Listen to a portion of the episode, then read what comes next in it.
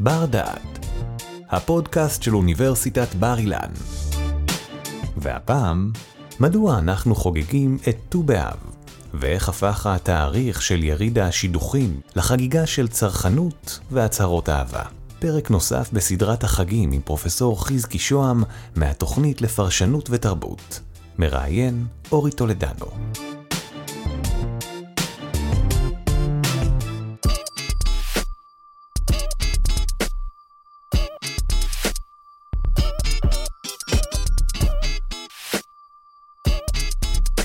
שלום וברוכים הבאים לבר דעת, אנחנו בפרק נוסף בסדרת החגים שלנו עם פרופסור חזקי שוהם מהתוכנית לפרשנות ותרבות, ואנחנו מדברים היום, בדרך כלל אנחנו מדברים על חגים, יש חגים שמחים, חגים עצובים, היום זה פרק של חג שמח, אנחנו מדברים על ט"ו באב, שלום חזקי, מה שלומך? כן, היי אורי, סבבה.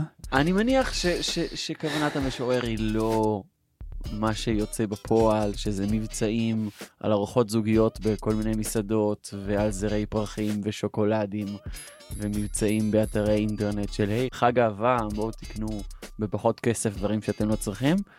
איכשהו זה הפך להיות חג אהבה. איך התחיל חג האהבה, ט"ו באב? כן. או אם בכלל זה חג אהבה. אוקיי. כן, אה, זה חג אהבה, כי זה נהיה חג אהבה. וכמו שהרבה פעמים uh, כבר ראינו בפודקאסט ועוד נראה, כשמדברים על היסטוריה, אז uh, כוונת המשורר uh, לא כל כך רלוונטית. כן. כמו שבהיסטוריה הפוליטית כוונת המשורר לא תמיד רלוונטית, ככה גם בהיסטוריה התרבותית, uh, בהיסטוריה של האנתרופולוגיה שלנו, של הטקסים והחגים שלנו. וכן, יצא פה איזה מישמש מאוד מעניין, אני חושב שט"ו באב זה דוגמה מובהקת לחג שבמבט מהצד יכול להיראות בתור חג קפיטליסטי צרכני מומצא לגמרי. אבל הכוח התרבותי שלו מגיע לו בסופו של דבר מההצלחה שלו להתמקם על לוח השנה העברי. באמצע הקיץ. באמצע הקיץ זה... חם נורא. חם נורא. לא הייתי רוצה לחגוג כלום במזג האוויר כן, הזה. כן, אבל זה מתבקש, אתה יודע, יותר מדי זמן בלי חג. נכון. זה קצת קשה. נכון, זה פגרת החגים הגדולה. בדיוק, וגם צריך למכור. נכון. אז, אז יותר מדי זמן בלי אבל חג. אבל הוא לא מבודד, יש לו, רק שבוע לפני כן יש את תשעה באב. כן, אז לדעתי זה לא בלתי קשור, אבל צריך גם לומר ש... ט"ו באב זה חג שהיה שולי לגמרי לגמרי בתרבויות יהודיות קדם מודרניות וגם ב- ב- בתרבות העברית החדשה, למעשה, כמו שנראה, עד שנות ה-70 של המאה ה-20 הוא היה שולי לגמרי. אמ, אז איך הוא מתחיל? זהו, אז... אם ה... אפשר לענות על זה. כן, דווקא על זה קל לענות. כיף. יש לנו את המשנה אה, במסכת תענית, פרק ד' משנה ח', שאומר דבר כזה, אני אקרא. אמר רבן שמעון בן גמליאל, לא היו ימים טובים לישראל כחמישה עשר באב וכיום הכיפורים, שבהם בנות ירושלים יוצאות בכלי לבן שאולין, שלא לבייש את מי שאין לו. כל הכלים טעונים טבילה. ובנות ירושלים יוצאות וחולות בכרמים, מחוללות בכרמים הכוונה, mm-hmm. ומה היו אומרות? בחור, שנה עיניך וראה מה אתה בורר לך. אל תיתן עיניך בנוי, תן עיניך במשפחה, שקר החן והבל היופי, אישה יראת אדוני היא תתעלל, ואומר, תנו לה מפרי ידיה ויעללוה בשערים מעשיה, וכן הוא אומר, צאנה וראנה בנות ציון במלך שלמה, בעטרה שעיטרה לו עמו ביום חתונתו וביום שמחת ליבו. ביום חתונתו זו מתן תורה, וביום שמחת ליבו זה בניין בית המקדש, שייבנה במהרה בימינו, אמן. זה המשנה. המון דברים נאמרים פה. כן. קודם כל, מאוד יפה שבנות ישראל לובשות בגדים לבנים שאולים. כדי נכון. שמי שאין לה, שלא תתבייש שאין לה. נכון, זה כאילו חג מאוד דמוקרטי וצנוע, כן. ההפך מקפיטליזם וצרכנות, נכון. נכון? כן, אז זה דבר ראשון. אחרי זה, הן יוצאות ומה, הן רוקדות, וזה חג מאוד יפה, כמו יום כיפור. כן, אנחנו נצטרך לשאול מה יום, מה יום כיפור עושה כאן, זה אולי כן. נדבר בפודקאסט שעל יום כיפור. אה, כן, אה, זאת משנה שמעלה הרבה שאלות. אה, יש פה תיאור כאילו מאוד פסטורלי ורומנטי, אבל מעלה לא מעט תמיהות, אני חושב, נכון? כן. אמ, זה קשור לבית המקדש? או, למשל, מה זה חג השידוכים הזה? קודם כל, לא כל כך מסתדר לנו עם דימוי שיש לנו על העולם של חז"ל בתור עולם של צניעות בין בנים לבנות, נכון? נכון. הרבה מהפרשנים האורתודוקסים תהו לגבי העניין. מה זה היה מין נשף ריקודים המוני כזה? אם, היה, אם היו ריקודים, כנראה שהייתה גם מוזיקה. נכון. אז מוזיקה ביום כיפור?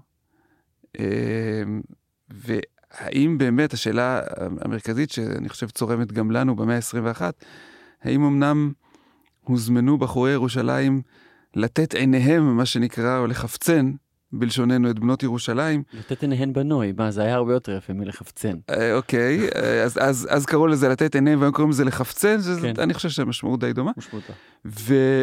ובנות ירושלים רוקדות מול עיניהם, ובו בזמן מזהירות את הבנים שלא לתת עיניהם בנוי, אלא בייחוס. אז אני גם, אנחנו שואלים את עצמנו רק שנייה. לכאורה חג אהבה רומנטי ויפה, אבל האם מדובר כאן על אהבה? האם אהבה רומנטית זה שיקול בבחירת uh, בן או בת הזוג, או שיש לנו שיקולים אחרים כמו משיכה אירוטית, כי זה מה שמופיע כאן. זה מה שמופיע כאן? איך מופיע כאן תן עיניך בנוי. תן עיניך אוקיי, בנוי, זה נכון. להסתכל על היופי. כן. אהבה זה לא בדיוק, זה לא רק אה, משיכה אירוטית. אה, או אה, הייחוס. זה בעצם השיקולים שאמורים להדריך אותנו ב, בבחירת בן או בת הזוג, ש... כן, בואו נהיה הגונים רגע, זה, מי שבוחר זה הבנים, כן? כן. כלומר, בואו בוא לא, לא ניתמם. עכשיו, לא, אין להם טינדר. אין להם טינדר. או, או שזה הטינדר. זה זה נשמע לי זה כמו... נשמע קצת כמו טינדר, כן? נכון? זה... פעם בשנה, כל הבנות... פעמיים. הולכות- פעמיים? גם ביום כיפור ביום כביכול, כיפור, כן. על פי הקטע טקסט הזה. כן? אבל אנחנו יודעים שביום כיפור לא יוצאים לרקוד בלבן. לא, אנחנו ביום כיפור, אני, אני, אין לי סיבה לפקפק במה שהמשנה אומרת כאן. טוב, זה בפרק על כאלה- יום כיפור. יש שוב מהפרשנים היותר אפולוגטיים שאמרו שאולי ביום כיפור זה לא היה בדיוק ככה, וה, כן. והטקסט הזה מתייחס לט"ו באב, אבל פשוטו של עניין הוא מתייחס ליום כיפור באותה מידה, ואנחנו נדבר על זה. אז- אז ט"ו באב, בנות ישראל יוצאות לרקוד, בני ישראל מסתכלים עליהן, על הייחוס ועל הנוי. מה, מה קורה כאן? אוקיי. צריך קודם כל, אני, אני רוצה להגיד במאמר מוסגר משהו על אהבה. יש היום תחום מחקר אה, חדש ומעניין שנקרא היסטוריה של רגשות. יש, שמכנים אותו המפנה הרגשי, כי זה לא רק היסטוריה, זה גם סוציולוגיה ואנתרופולוגיה של רגשות, וההבנה בעולם המחקרי היא שרגשות הם לא אותו דבר בכל מקום. כשאני אומר אהבה, וכשאתה אומר אהבה, וכשמישהו אחר שחי בארץ אחרת או בזמן אחר אומר אהבה, אנחנו לא מתכוונים לאותו דבר. ממש קצת כמו היהדות, שכשאני אומר יהדות ומישהו אחר אומר יהדות, זה סט אחר לגמרי של ערכים ומנהגים. זה, זה המסקנה של, של כל הפרקים שלנו של החגים בערך.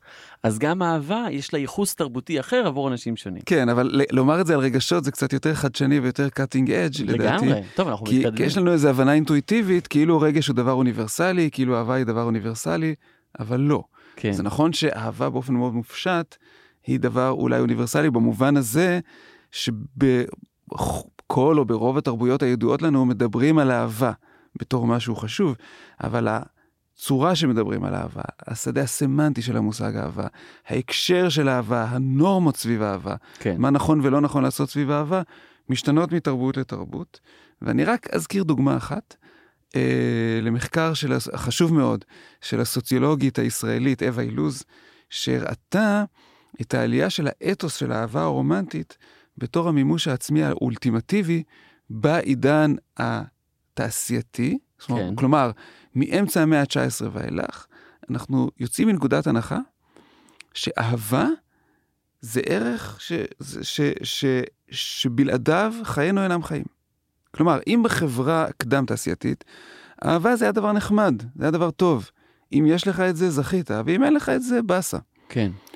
אבל לא הייתה מחשבה, למשל, שנישואים ללא אהבה אה, צריכים להתפרק, בגלל שאין בהם אהבה.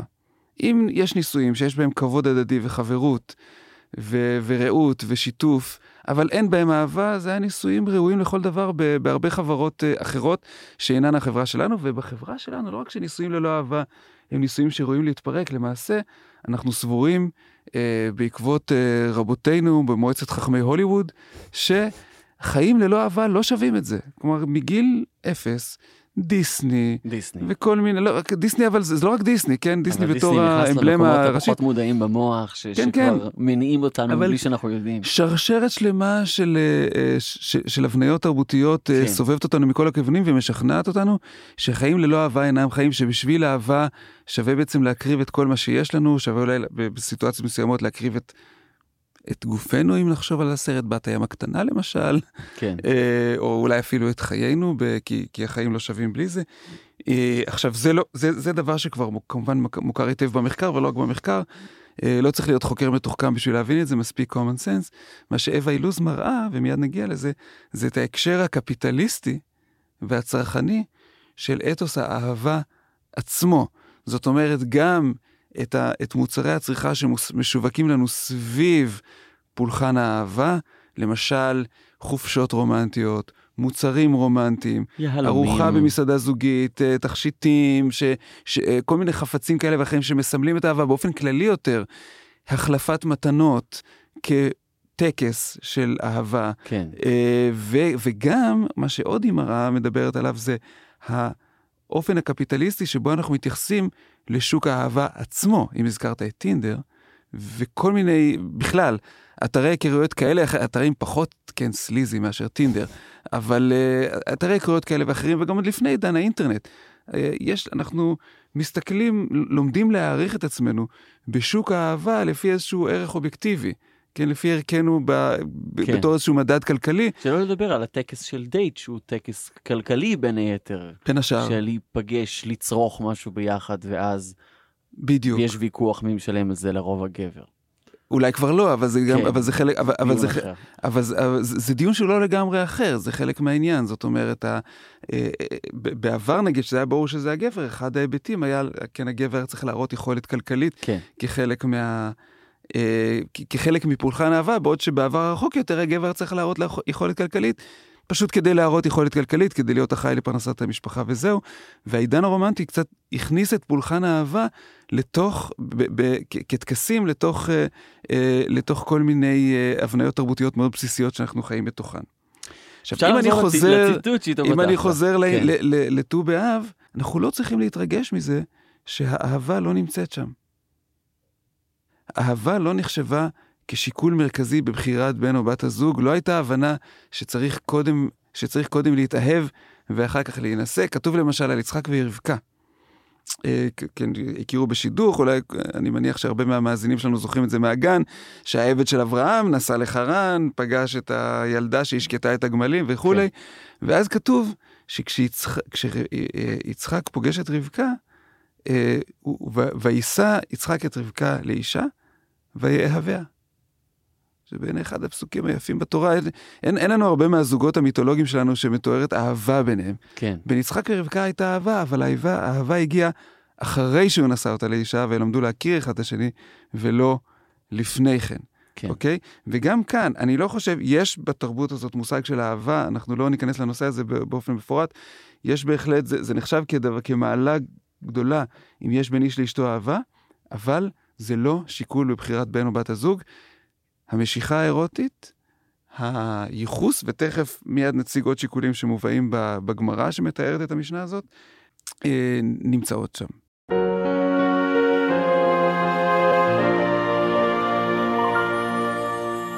אז אני עכשיו חייב לעצור אותך. ממתי המשנה הזאת? רבן שמעון בן, בן גמליאל שמדבר כאן, חי במאה השנייה לספירה. כן, זאת אומרת, הוא הנהיג, הוא היה נשיא הסנהדרין, והוא הנהיג את, ה, את העולם הרבני אה, ב, בתקופה שאחרי מרד בר כוכבא, זאת אומרת, פלוס מינוס, אה, ב, נגיד באמצע המאה השנייה לספירה. כלומר, אה, הוא חי כ... כאילו בין 70 ל-100 שנה, משהו כזה, הוא הנהיג את, ה, את, את, את, ה, את העם ב- בארץ ישראל אה, אחרי החורבן שהיה בשנת 70 לספירה. כן, זאת אומרת, הוא לא חווה את החורבן מכלי ראשון. כשהוא מעיד על הסיפור הזה, הוא לא מעיד מכלי ראשון.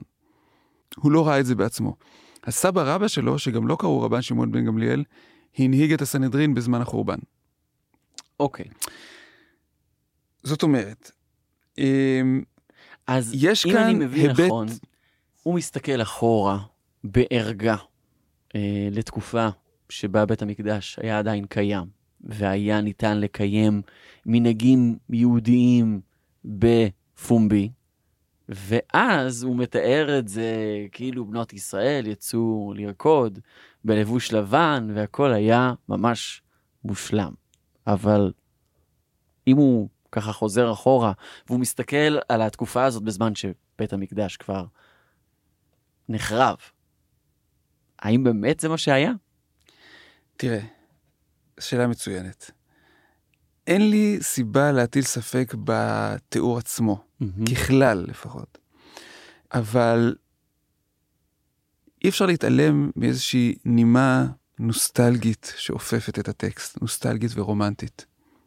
ואנחנו נחזור לזה כשנראה איך קראו את הטקסט הזה במאה ה-20.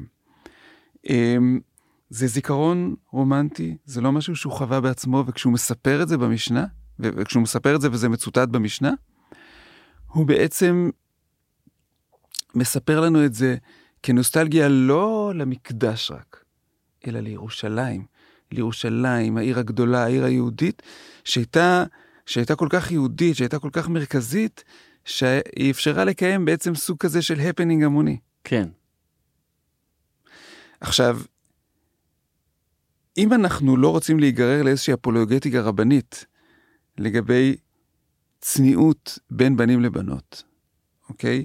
זאת אומרת, בעולם של חז"ל, שהיו חברה חקלאית ולא כל כך אורבנית, אה, ו- ומאוד, שמאוד נמצאת סביב עולם בית המדרש, ובאמת היו בה איזשהם סטנדרטים של אה, צניעות בין בנים לבנות, שיותר, או, או נשים וגברים, שיותר מדברים או פחות מדברים, כמובן זה לא, זה, זה לא, לא הפרדות מוחלטות, אבל העולם של ירושלים היה עולם קצת שונה, כי הוא היה מאוד בהשפעה הלניסטית, וזאת הייתה עיר גדולה ומרכזית. כן. אה, עיר ותחת שבה... ההשפעה ההלניסטית אה, הייתה פחות צניעות או יותר צניעות? פחות. כן. פחות. ובפשט הדברים, נראה לי שהתיאור העקרוני שמספר על מעין יריד שידוכים, כחלק מאיזה הפנינג המוני שיציע לטבע, אה, פעמיים בשנה, בירושלים, באמצע הקיץ ובסופו, נשמע לי תיאור סביר. אז זה ממש נשמע כמו חג אהבה, זה באמת חג אהבה, זה לא המצאה קפיטליסטית כן, גרידה. אבל זה לא חג האהבה, זה חג השידוכים. זה יריד כן. שידוכים. שוב, לא מדברים כאן על אהבה, מדברים כאן על שיקולים אחרים. ובגמרא, שם במסכת תענית, אפילו אומרים דבר נוסף.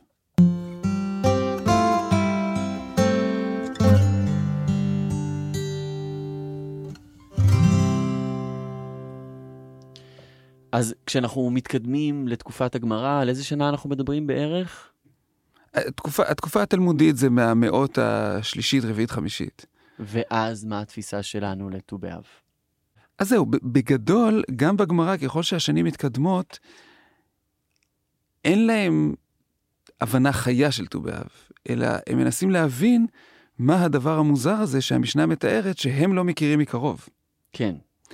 אבל, ו- ומביאים מקורות, למשל מביאים מקור, שוב, מקור קדום יותר, אה, שאומר ככה, תנו רבנן, יפהפיות שבהן מה היו אומרות?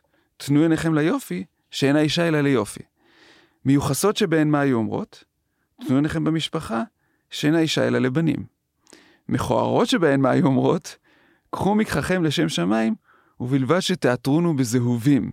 מה זה זהובים? כסף. אז כלומר, כל אחת מדגישה את התכונות החזקות שלה, ואנחנו מוצאים כאן, מעבר לזה שיש כנראה בטקסט איזושהי נימה אירונית ו- וסאטירית לדעתי, כן. אבל אה, אני חושב שאתה יכול לראות כאן השקפות שונות לגבי מוסד הנישואים. מה בעצם מכונן את מוסד הנישואים? האם משיכה אירוטית? האם המשכיות המשפחה באמצעות בנים? צריך להגיד בסוגריים שהמילה בנים בלשון חז"ל מכוונת למה שבלשוננו הוא גם בנים וגם בנות. כן. אה, לפעמים. או חוזה כלכלי שמאפשר לאישה קיום בכבוד. כן. מה חסר מכאן? שוב? אהבה. אהבה. אלא אם כן, אנחנו מזהים אירוטיקה עם אהבה. כן. בעולם המודרני אנחנו לעיתים מזהים אירוטיקה עם אהבה, אבל אני לא חושב שזה מה שנעשה כאן בטקסט, ובכלל, באופן כללי בעולם של חז"ל, שלא אה, אה, תמיד היה להם את הזיהוי הזה. אבל שאלה שעדיין לא אה, ענינו עליה, למה דווקא ט"ו באב, באמצע הקיץ המהביל? אז זהו, אז זה, זה בדיוק מה שגם הגמרא שואלת. ש, שוב, באותו מקום בתלמוד, מסכת תענית, והיא מציגה כמה וכמה אפשרויות, אני, אני, אני ארוץ עליהן מהר. האפשרות הראשונה היא יום שהותרו שבטים לבוא זה בזה. זאת אומרת, איזשהו יום בתקופת ה... שבני ישראל היו במדבר, כשנודע שיש היתר שהשבטים יכולים להתחתן אחד עם השני, ושעם ישראל הוא עם אחד. כן. התשובה השנייה זה היום ששבט בנימין, הותר בו לבוא, לבוא בקהל. יש פה אזכור של האפיזודה הזכורה לרע מסוף ספר שופטים, פרשת פילגש בגבעה. מי שזוכר את הסיפור, סיפור, מה זה טרגי זה לא, אומרת, אחד הטרגים שבסיפורי התנ"ך, ובאמת התחרות על התואר כידוע קשה. כן, כש... ה- ה- פילגש שעוברת, אה, כן, מעשה, עוברת אה, אונס ורצח אה, קבוצתי, והגופה שלה מבוטרת ונשלחת לכל בני ישראל, ומתחילה מלחמת אזרחים בין שבט בנימין לבין כל שאר השבטים, ושאר השבטים מחרימים את שבט בנימין. העונש הוא בסופו של דבר שאסור לשבט בנימין להתרועע. אה, להינשא לשבטים האחרים האחרים, כן. ואז בני ישראל מתחרטים על הנדר הזה ואומרים מה נעשה, ואז הם מחליטים שיש, ט"ו באב הנה. יש חג, יוצא- יוצא דופן. זה לא נאמר שזה ט"ו באב כן. בסיפור המקורי, אבל יש חג בשילה, בעיר שילה, ב- כן, בנחלת אפרים, בשומרון, יש חג בעיר שילה, חג השם מימימה, ואמרו לבני ישראל, לכו אתם תערבו בכרמים, והבנות האלה, תחטפו אותם, מכיוון שאתם חוטפים אותם בכוח, אז זה לא נחשב הפרה של הנדר, כי הן הולכות לחולל בכרמים. מקסים. לחטוף אותם צ'ארמינג. נכון? כן, איזה זה כמו הסרט שהיה. מי שזוכר, כמובן הוליוודי לא הקלאסי, כן. אה, שבע כלות לשבעה אחים. זוכר את זה? זה של סרט הוליוודי של פעם.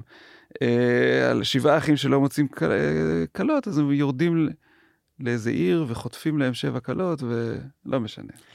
אז יש כאלה, אני רק אגיד, כן. תשמע, זה סיפור איום ונורא, כן. ו- ו- ואפילו ה happy end שלנו, שלו, כן. בעיניים שלנו כאנשים מודרניים, הוא לא חשבתי כזה שנדבר happy על end. אהבה היום, אנחנו מאוד, אנחנו מתרחקים כן. מזה. אז יש פה חטיפת נשים. עכשיו, הרבה מהאנשים שרוצים לראות בט"ו באב חג רומנטי, מנס, מנסים גם היום, אנחנו נראה את זה בהמשך, לחזור לשורשים המקראיים של הסיפור הזה, של שילה וחטיפת אה, חטיפת בנות שילה לטובת אה, הגברים של שבט בנימין. זה אחד הטרגים בסיפורי המקרא, אה, באמת... לא, לא בדיוק משהו שאיזה איזה מודל איך היינו רוצים לחיות. כן. אגב, הוא, זה לא ביקורת רדיקלית שלי, הוא מובא כך. הוא מובא כך, הסיפור הזה מסתיים במילים, ויתהלכו משם בני ישראל בעת ההיא איש לשבטו ולמשפחתו, ויצאו משם איש לנחלתו, כן, כאילו סיום פסטורלי. אבל אז מוסיף המספר, בימים ההם אין מלך, ישראל, מלך בישראל, איש הישר בעיניו יעשה. כלומר, כן, הסיפור הזה מובא כביקורת. כהמחשה לאנרכיה החברתית המוחלטת ששוררת בימי השופטים מנקודת מבט פרו-מלוכנית שהמספר מחזיק בה. אז זאת, אז זה, זה, זה, זאת הפרשנות השנייה שמופיעה בגמרא מתוך שש. אה, הגמרא אומרת, זה כנראה קרה בט"ו באב, ומאז חוגגים את ט"ו באב. כמובן שהרפרנס הוא ל, כן, לחולל בכרמים, יש פה באמת איזה, איזה הדהוד. אה, הפרשנות השלישית והרביעית, נרוץ עליהם מהר, הם מדברים על זה שזה יום שכלו בו מתי מדבר, אה, שכן, שהקדוש ברוך הוא חזר לדבר עם משה במדבר, כי כל האנשים שנגזרה עליהם הגזרה למות במדבר כבר גמרו למות ונשאר רק הדור החדש. פרשנות הרביעית קושרת את זה למלך ישראל, הושע בן אלה, שביטל את, את המשמרות שהוצבו על הדרכים כדי שממלכת ישראל הצפונית לא תעלה לרגל לבית המקדש שבירושלים בממלכת יהודה הדרומית. כלומר, שוב, יום של אחדות בעם ישראל, וארבעת ההסברים ההיסטוריים האלה מרוכזים בסופו של דבר בתמה דומה. פירוד בין שבטים בעם ישראל, לכבוד כן. פרישתו של הנשיא ריבלין, אנחנו ככה זה, ולפי חלק מההסברים, איחוד העם באמצעות קשרי נישואים ואיחוד משפחות. עכשיו אני, אני רוצה לומר את הדבר הבא, כל ההצדקות האלה שמופיעות בגמרא, מה שחשוב בהם זה לא אם הן נכונות או לא. אוקיי.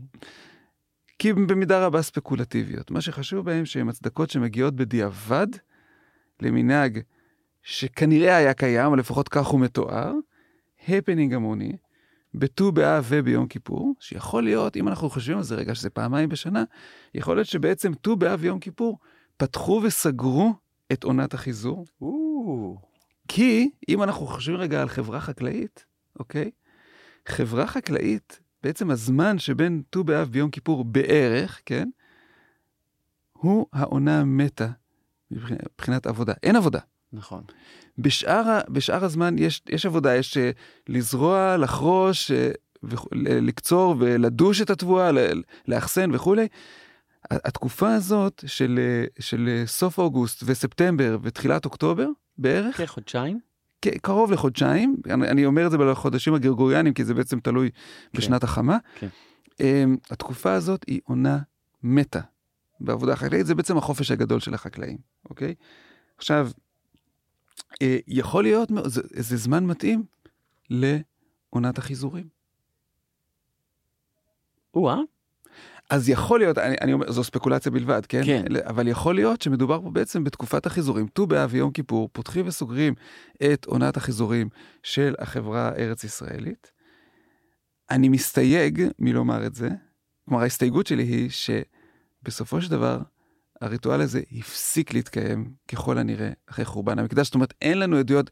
רבן שמעון בן גמליאל, שמתאר את הריטואל הזה במשנה, הוא מתאר אותו כדבר נוסטלגי שכבר לא קיים כרגע. אין לנו דיווחים לגביו בזמן אמיתי, אלא דיווחים נוסטלגיים, ומה שנשאר זה רק האזכור שלו בטקסטים. לא נשארו מנהגים. שוב, ט"ו באב ב, ב, במשך אה, אלף ומשהו שנה, אלף, אלף שמונה מאות שנה בערך, עד, שוב, מימי רבן שמעון בן גמליאל, ועד לימינו, היה יום שולי לגמרי, יום עבודה רגיל, לא איזה חג עם מנהגים מיוחדים, והרנסאנס האמיתי התחיל במהפכה הציונית.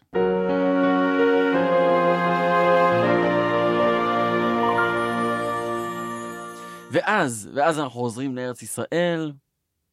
משהו קורה ב-70 השנים האחרונות, ב-100 השנים האחרונות, עם ט"ו באב. אני לא יכול להגיד שזה סתם יום, לא לקרוא בו את החנון, ואולי ללכת לחתונה. כן.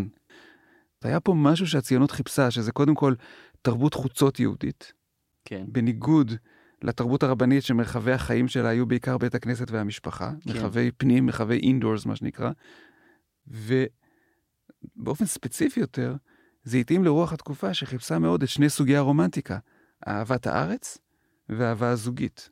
זה שילוב שבא לידי ביטוי בהמון, למשל רומנים שכתבו משכילים, הרומן העברי הראשון, אהבת ציון של מפו, כן. כי הרומן הראשון בעברית המודרנית בעצם מנסה לעשות את השילוב הזה בין אהבת הארץ לאהבה זוגית אה, באופן אה, פסטורלי וגם בשירים וכולי.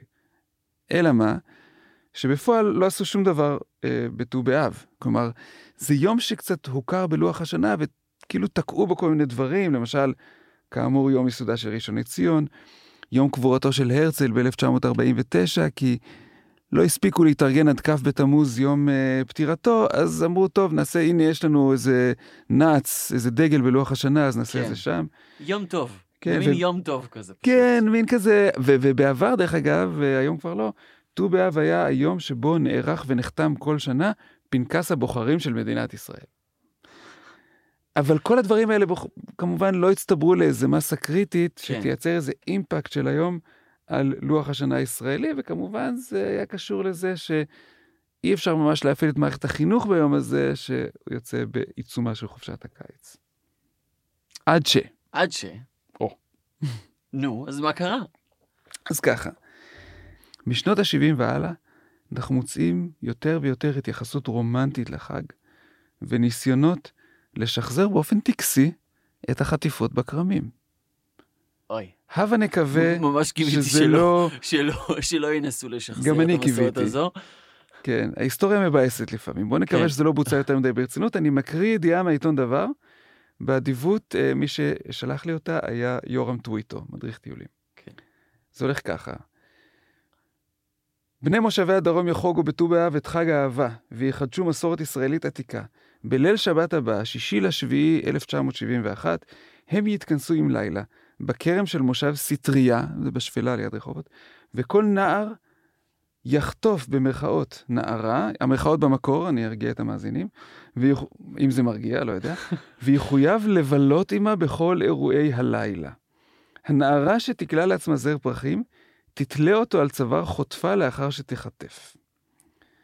את הכנס מארגנת חטיבת בני המושבים בשיתוף עם המועצ... המועצות האזוריות של גן רווה, אה, גשר וגבעת ברנר. זה כאילו אה, טקס רגע, של תנועת שנייה. נוער? כן, זה לא טקס, זה בילוי כזה. כן. יותר הפנינג, חג האהבה יכלול פרט לחטיפות בכרם, תחרויות ריקודים, קומזי של חצות וכו'. שים לב, לחטוף יוכלו רק תלמידי תיכון, חיילים ומשוחררי צה"ל, פרט לנשואים. שלא תתפרפר לי מהצד. כן. זה, עכשיו, אם, אם רגע, רגע ננסה, אה, ל, ל, כן, להתגבר על, כן, להתגבר על. אנחנו יודעים מה היה ש- שם? לא, אה, אני לא יודע אם אני רוצה לדעת, אבל מה, אם רגע, באמת, אתה יודע, זה קצת, אה, אה, אה, בסופו של דבר, מה שאנחנו רואים כאן זה מעין פעילות פנאי.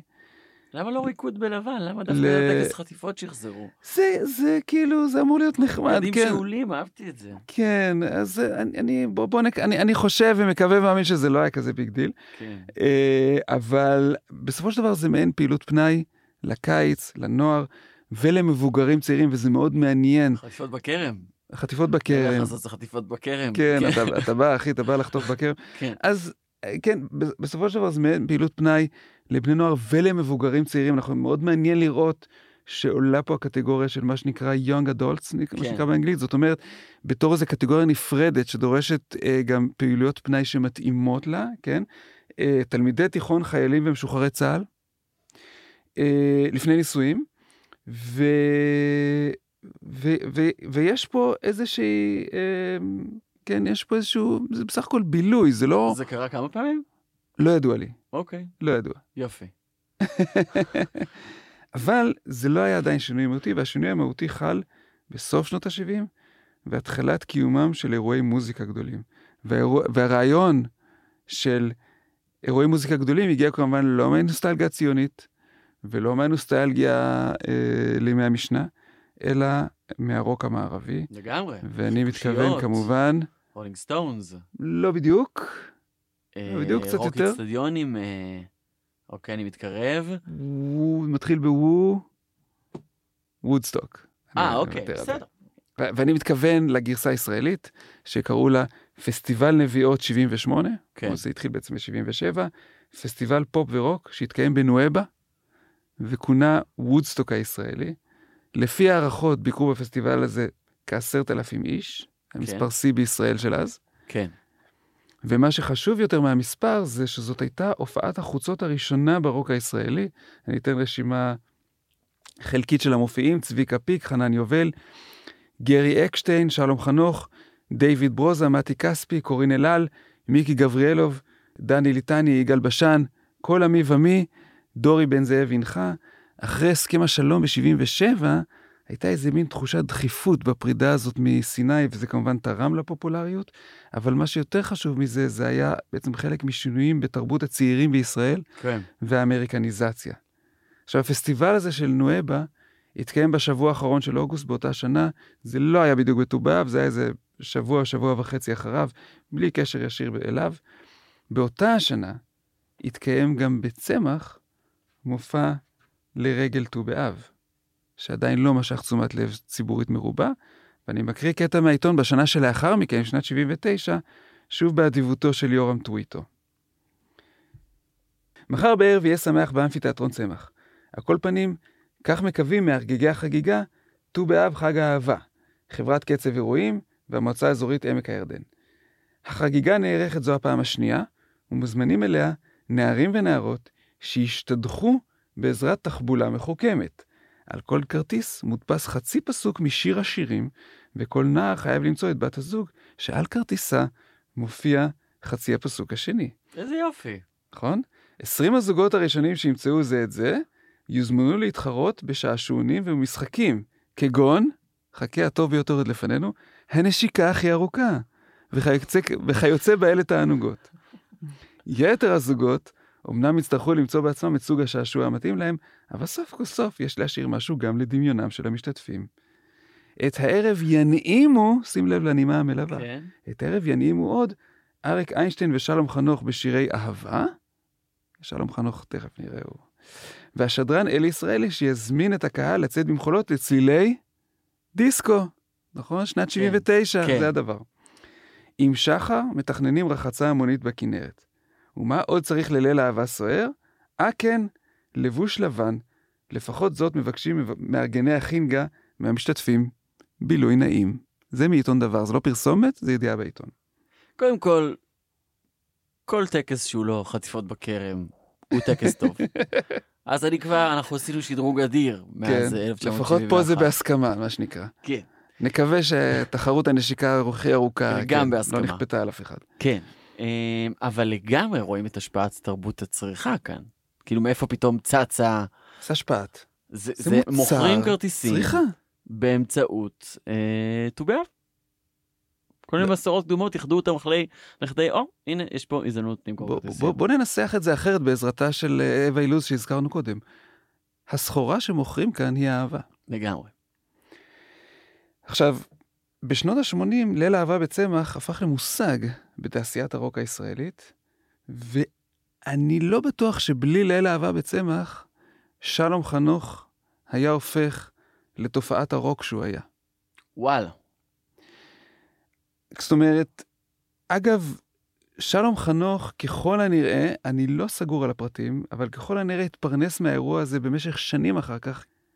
מה שיותר חשוב, זה לא מקרי שהחבר'ה שיצרו את התופעה הזאת, משלבים מבחינה ביוגרפית את הקיבוץ עם אמריקה, ומבחינת הז'אנרים המוזיקליים, את שירי ארץ ישראל עם שירי רוק באוריינטציה אנגלו-אמריקאית. כן. כן, שלום חנוך על נואבה כתב את השיר הלילה הזה, כן. שום דבר. עכשיו, זה לא, זה שיר שקט, איטי, זה שיר בעצם בנימה שלו, הוא מין שיר ארץ ישראל. תמשיך להתנגן לי בראש כרגע. כן, כי עכשיו, אבל, אז, אז יש פה איזה שילוב, לא הייתה פה אמריקניזציה אה, אה, מוחלטת.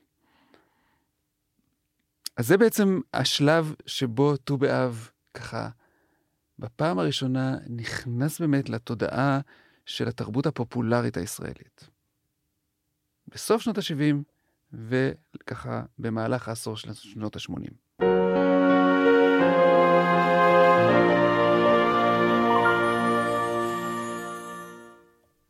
מה שאתה מתאר לא נשמע כל כך שונה מט"ו באב שאני מכיר היום, שבו אני יכול למצוא מבצעים נהדרים אה, למסעדות, פרחים, אה, שוקולדים וכל מוצרי הצריכה האלו. כן, מה שתיארתי הוא השלב הראשון, ומה, ש... ומה שקרה אחר כך, זה מה שקורה הרבה פעמים בדינמיקה של חגים. ברגע שחג מתייצב בתוך לוח השנה הציבורי, בתור חג משמעותי, ומצליח להתנחל שם, אז כל מיני קבוצות אחרות ואינטרסים אחרים מתחילים להיות מעורבים. עכשיו, כמובן שהאינטרס הראשון זה האינטרס המסחרי. ברגע שבאמת ט"ו באב התקבע כחג אהבה, בשנות ה-80, זה לא קרה לפני כן, מיד הוא הפך להיות המקבילה של ולנטיין בישראל. אני רק אזכיר למאזינים שוולנטיין בארצות הברית הוא בפברואר. כן. ובישראל זה חל באמצע הקיץ, אז סדנאות, חופשות, מתנות, הרבה מאוד אנשים, דווקא אולי בציבור החילוני יותר מאשר בציבורים אחרים, מרגישים שיש איזו חובה תרבותית וחברתית להשקיע בזוגיות ביום הזה, ורצוי באופן מסחרי, נכון. בגלל שיש מתקפה שיווקית. ויותר מזה, החג כבר התרחב מצעירים גם למבוגרים שנמצאים בזוגיות. בוודאי, אתה יודע מה זה לא להביא זר בוולנטיינס. אני יודע. זה לא בית שאתה רוצה לחזור אליו. אה, כך מספרים? כן, ככה אני מספר. אה, כן, כן. תמונות קשות. ועכשיו, אבל, אבל, צריך לומר שהאינטרס המסחרי הוא לא היחיד. וכמו שקורה הרבה פעמים במצבים כאלה, אה, גם מגזרים נוספים תופסים על זה טרמפ. ואני אתן דוגמה אחת, המגזר הדתי המתנחלי. כן. משתמש בט"ו באב לאינטרס אחר לגמרי. אהבת הארץ? כן, אהבת הארץ, והוא מחזיר את האירוע למקום ההתרחשות המקורי שלו, לכאורה, העיר שילה. יפה. זאת אומרת, או מה שאנחנו מכירים יותר היום כהתנחלות שילה, שנערך שם כל שנה, בט"ו באב, הפנינג המוני, שמטרתו חיזוק הקשר עם המקום. אבל לא חטיפות אינטרס- בכרם. לא, ולפעמים, יש, לפעמים זה אירוע שהוא אירוע נשי לגמרי, כן. נשי ללא השתתפות גברים, זאת אומרת, נשים אה, דתיות שרוקדות ללא השתתפות גברים, והיו שנים שזה גם היה הפנינג אה, אה, מעורב. אז זה, זה כיוון אחר, אינטרס שהוא... אה, גם בלבוש אה, לבן וכל ה... כמו ה- החזון האוטופי שפתחנו איתו. עם, עם הרבה פסטורליה מקראית, נאמר ככה. כן. כן, כולל גם בציר ענבים ולדרוך על הגת, אה, כן, בתשלום לילדים וכן הלאה. כן. הפנינג, הפנינג מסוג אחר לגמרי, עם אינטרס שנקרא לו פוליטי או אידיאולוגי אה, אחר לגמרי. ובצד זה, יש גם ארגונים פמיניסטיים שמזכירים את האופן שבו התחיל החג לפי הסיפור, בחטיפת הכלות, ולכן יש גם שימוש מסוים, מוגבל, צנוע, עוד לא משהו שתפס תאוצה, בט"ו באב לדיון בריפוי של נפגעות תקיפה מינית. לא ראיתי את החיבור פה. זה, זה, זה, לא, זה לא דבר שעדיין, זה, אבל אני חושב שכן, לאור גם הסתייגויות שאתה ואני העלינו פה בפודקאסט, כן. אני חושב שזה דיון שמן הראוי ל, לעורר אותו. אה, שוב, אם כבר זה תפס. כן. למה החג הזה תפס בעצם? הוא שמח. כן, אבל הוא היה שמח גם קודם. כלומר, מה קרה בשנות ה-80 ולמה זה תפס דווקא על ט"ו באב, וגם מה בעצם ההבדל בין ט"ו באב לבין המון ימים אחרים שהעולם המסחרי מפציץ אותנו בהם, הרי כמעט כל יום הוא כן, יום המשהו. יום האבוקדו, ו- יום כן, ה... ואנחנו צריכים לקנות משהו. כן. אתה יודע שיום ה... אתה יודע ש-11 ל-11 זה יום הקורדורי? בגלל הקווים, אחד, אחד, אחד, אחד, אמרו, הנה, זה יום הקורדורוי הבינלאומי. הנה לך, אילו הייתי כן. הולך עם קורדורוי, בטח הייתי יודע. אמ, עכשיו, אני חושב שהוא תפס בגלל שלושה דברים. דבר ראשון, הוא התיישב על לוח השנה העברי, ועל סיפור עתיק, וקצת מפוקפק, מפוקפק היסטורית, מפוקפק מוסרית, כן. ובכל זאת, כן, ברגע ש, שאנחנו, נדמה לנו שמשהו יושב על איזה סיפור עתיק, זה נותן לו זו, איזה ארומה אחרת ואיזה איכות אחרת, או מה שהסוציולוגים קוראים הון תרבותי אחר. דבר שני, הוא מתאים לצורך החשוב של התרבות הציונית והישראלית של היום, גם היום, ליצור תרבות חוצות. כן. במיוחד בעונת הקיץ, שבה חל החופש הגדול. כשאתה אומר ליצור תרבות חוצות, זה מין, אנחנו לא לוקחים את זה כמובן מאליו. שאנחנו יכולים לחגוג את התרבות שלנו בפומבי, בוא נעשה את זה. זה מה שעושים. תראה, למי שגדל בתוך העולם הישראלי, זה כן מובן מאליו כן. שאפשר, כן. אבל בכל זאת זה איזשהו, אה, אני חושב שעדיין אה, התרבות הציונית והישראלית זה משהו שהיא מאוד מוכוונת אליו, גם למי שלא חווה את ההגירה בעצמו ולא מרגיש את המתח שבין תרבות הפנים של בית הכנסת והקהילה, התרבות הקצת, אולי, תרבות היהודית הקצת קלסטרופובית, כן. הייתי אומר, של המרחבים הסגורים. עדיין יש לנו את הצורך בחיפוש אחר תרבות חוצות יהודית, ואני חושב שהתאריך העברי משרת את זה. והדבר השלישי, זה שט"ו באב מתאים לאתוס המודרני של האהבה הרומנטית, בתור המימוש העצמי העליון של הפרט, שבין השאר מלווה באינטרסים מסחריים חזקים, ולכן, אה, בגלל שלושת הדברים האלה, אני חושב שט"ו באב תפס מקום, אמנם בסך הכל מוגבל, כאילו בוא, אתה יכול כן. לקום, בעבוד, לקום בבוקר, בט"ו באב, ללכת לעבודה כרגיל, ו- ולא, ו- ו- והכל בסדר. אגב, ככה זה אצלי. אה, אבל אה, ט"ו באב בכל זאת תפס לו מקום מוגבל מסוים, בלוח השנה הישראלי, שלא באמת מתנהג לפי הלוח העברי, הרי רובנו הגדול לא יודעים לציין מה התאריך העברי היום, ויש לנו דוגמה נוספת לכוח התרבותי של לוח השנה העברי בציבוריות הישראלית. בסך הכל הרי, כמו שאמרנו מקודם, יש הרבה חגים שמישהו, שנוצרו בגלל אינטרס מסחרי, ומישהו ניסה להמציא אותם כדי למכור משהו. יום, ה... יום הקורדרוי שאמרת, יום האישה למשל, זו דוגמה בולטת ליום שמלבד תוכן מסחרי יש בו מעט מאוד, אבל לחגים... אני לא מסכים איתך עם האישה. נעשה פודקאסט גם על יום האישה, אין בעיה. יכול להיות כן. שאני טועה. אה, אבל לחגים שמצליחים להתיישב בלוח העברי, ההיסטוריה מלמדת שיש נוכחות ציבורית גבוהה בהרבה, כי הם מצליחים לצאת מכוונת המשורר. היציאה מכוונת המשורר שפתחת בה מצביעה על כוח של חג. היא לא נקודת חולשה, היא נקודת חוזקה. אז בעצם הכוח הוא ביכולת להשתנות. כן. תודה רבה לפרופסור חזקי שוהם מהתוכנית לפרשנות ותרבות. תודה אורי, היה תענוג.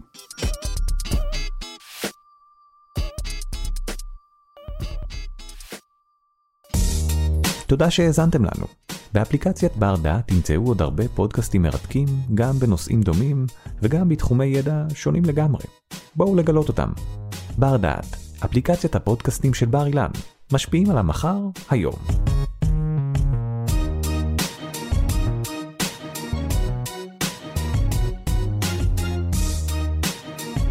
ערך והפיק אורי טולדנו. תודה על ההאזנה.